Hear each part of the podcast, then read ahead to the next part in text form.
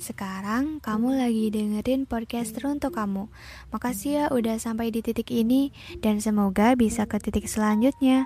Selamat mendengarkan dan terka maknanya.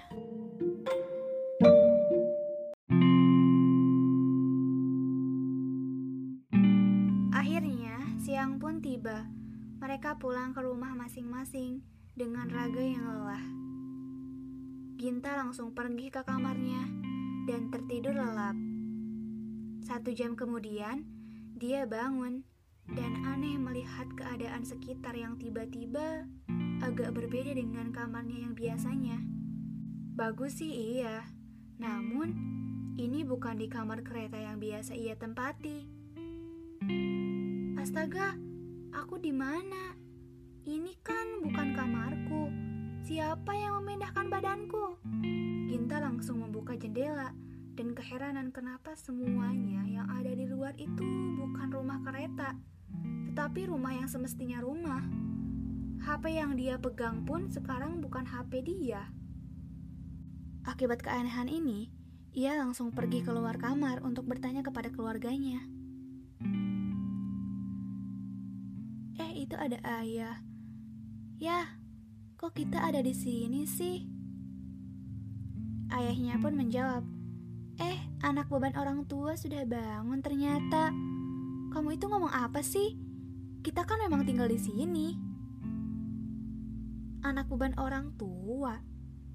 Aku kan bisa memunculkan sesuatu ya. Ayah kan tahu, dan aku gak ngerepotin ayah. Sejak kapan kita tinggal di sini? Ngomong apa sih kamu ini? Mana ada orang kayak gitu zaman sekarang? Ngeyel kamu ya? Pakai tanya sejak kapan? Ya dari dulu lah. Hah? Ayah kenapa sih? Kok galak gini? Jangan banyak omong deh. Buruan beresin rumah. Ayah sama mama mau lagi keluar rumah. Ginta diam saja dan hanya mengangguk. Dia menapak-napak pipinya sendiri dan itu seperti bukan mimpi.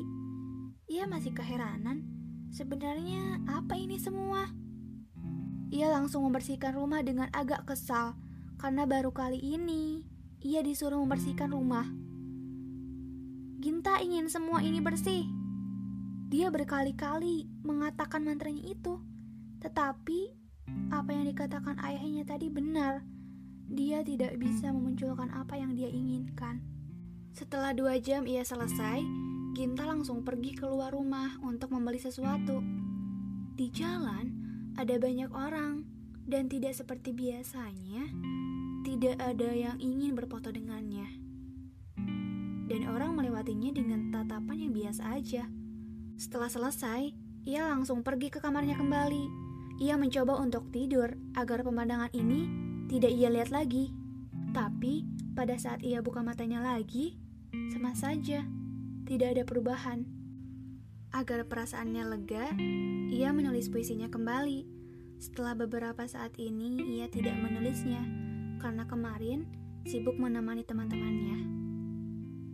Andaikan aku tidak terbangun, mungkinkah aku tidak ada di sini? Tapi di mana?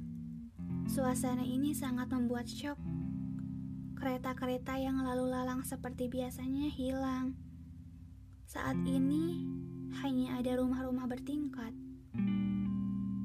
Apakah Trial City digusur dan digantikan oleh rumah-rumah ini?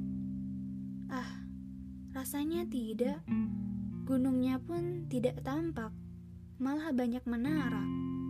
Orang tuaku kenapa sekarang? Apakah mereka kerasukan sampai menyuruhku seperti ini? Mana mungkin, tapi mereka aneh sekarang. Apakah ini mimpi? Semoga saja, karena aku tidak ingin ada seperti ini.